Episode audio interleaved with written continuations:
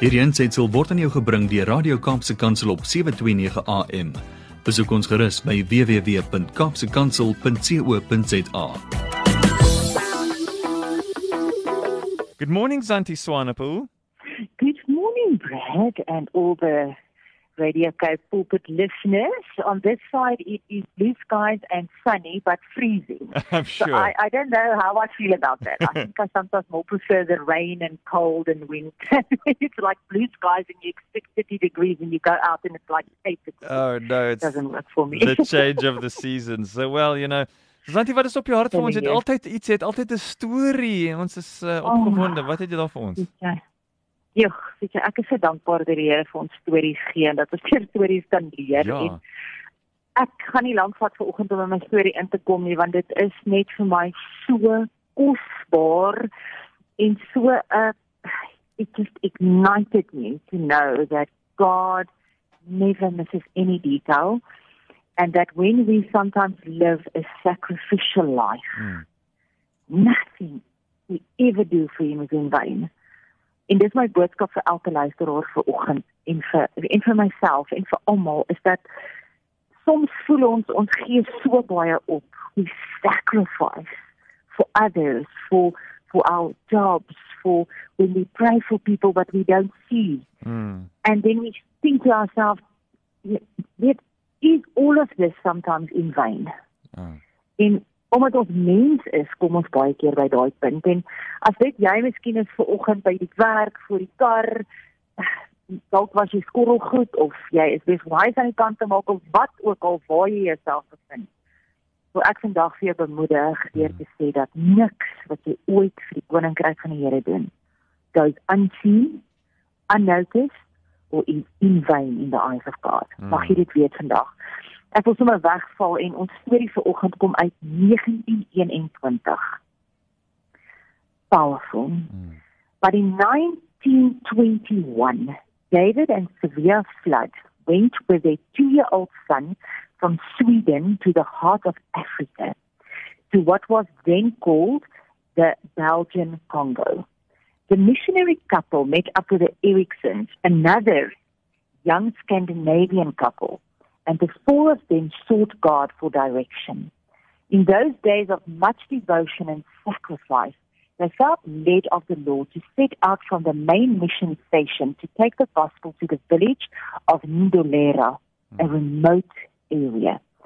This was a huge step in faith. There they were rebuffed by the chief, who could not let them enter his village at all for fear of alienating their local gods. The two couples then opted to build their own mud huts half a mile up the slope. They prayed for spiritual breakthrough, but there was none. Hmm. Hoeveel keer vir ons nie baie keer so nie. The only contact with the village was a young boy who was allowed to sell them chickens and eggs twice a week. Svea Flood, tiny woman, only four feet and eight inches tall, decided that if this was the only African she could talk to, she would try to lead the boy to Jesus. And she succeeded.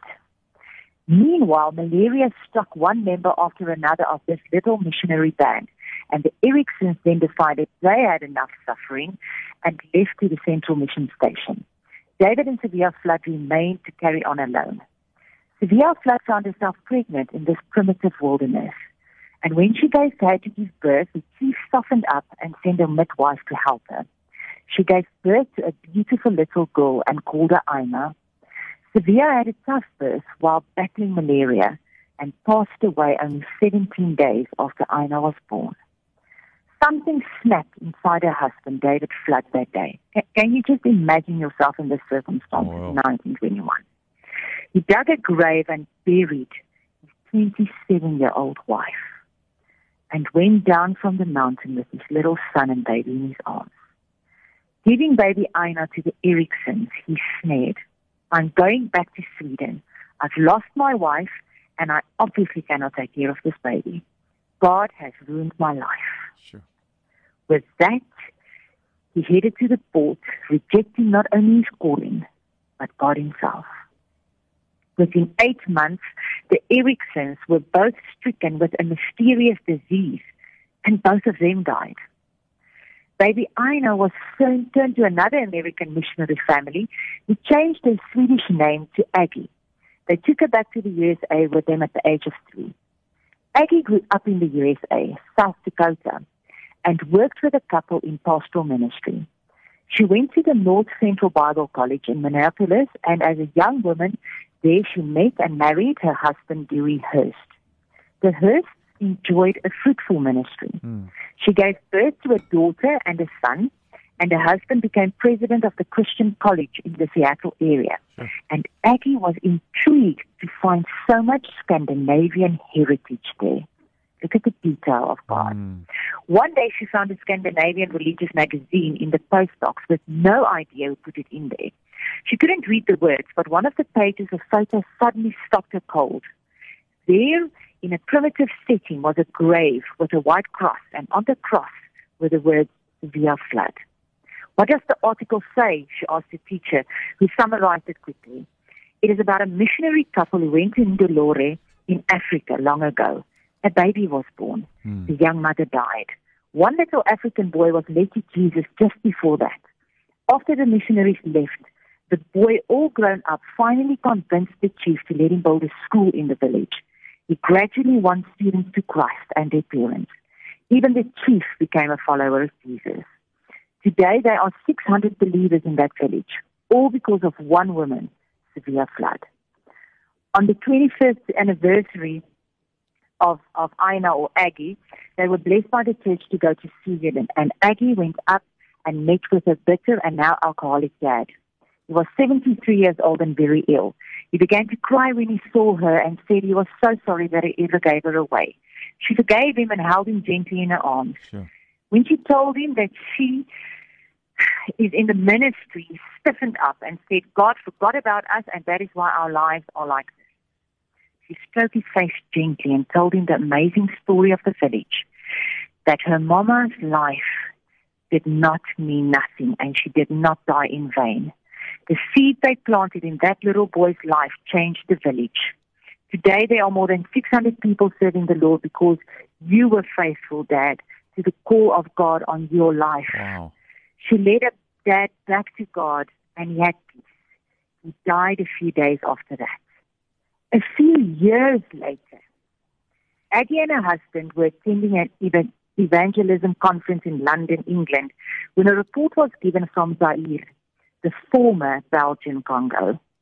The superintendent of the national church representing 110,000 baptized believers spoke of how the gospel spread in his nation. Aggie couldn't help herself afterwards by asking him if he ever heard of David and Svea Flood appearance. Yes, madam, he replied. Svea Flood led me to Jesus Christ when I was just a little boy. Just before you were born, I was the boy who bought your parents hmm. food, and until today, your mother's grave and her memory are honored by all of us. They sobbed yeah. and held each other for minutes. He took Aggie back to Zaire to see her mother's tomb and white cross bearing her name. She knelt in the soil to pray and give thanks to God. On the cross, the following is written I tell you the truth, unless a kernel of wheat falls to the ground and dies, it remains only a single seed. But if it dies, it produces many seeds. John 12, verses 24. Those who sow in tears will reap songs of joy. Psalm 126, mm. verses 5. I bless you this morning saying that a sacrificial life never goes unnoticed by God. And sometimes when we feel all is in vain, God sees. And sometimes we sacrifice so much, mm. but it's all worth it if it leads somebody else to eternity. May this story also bless you as it blessed me for this week. Amen. Hierdie aansetsel is aan jou gebring deur Radio Kaapse Kansel op 729 AM. Besoek ons gerus op www.kaapsekansel.co.za.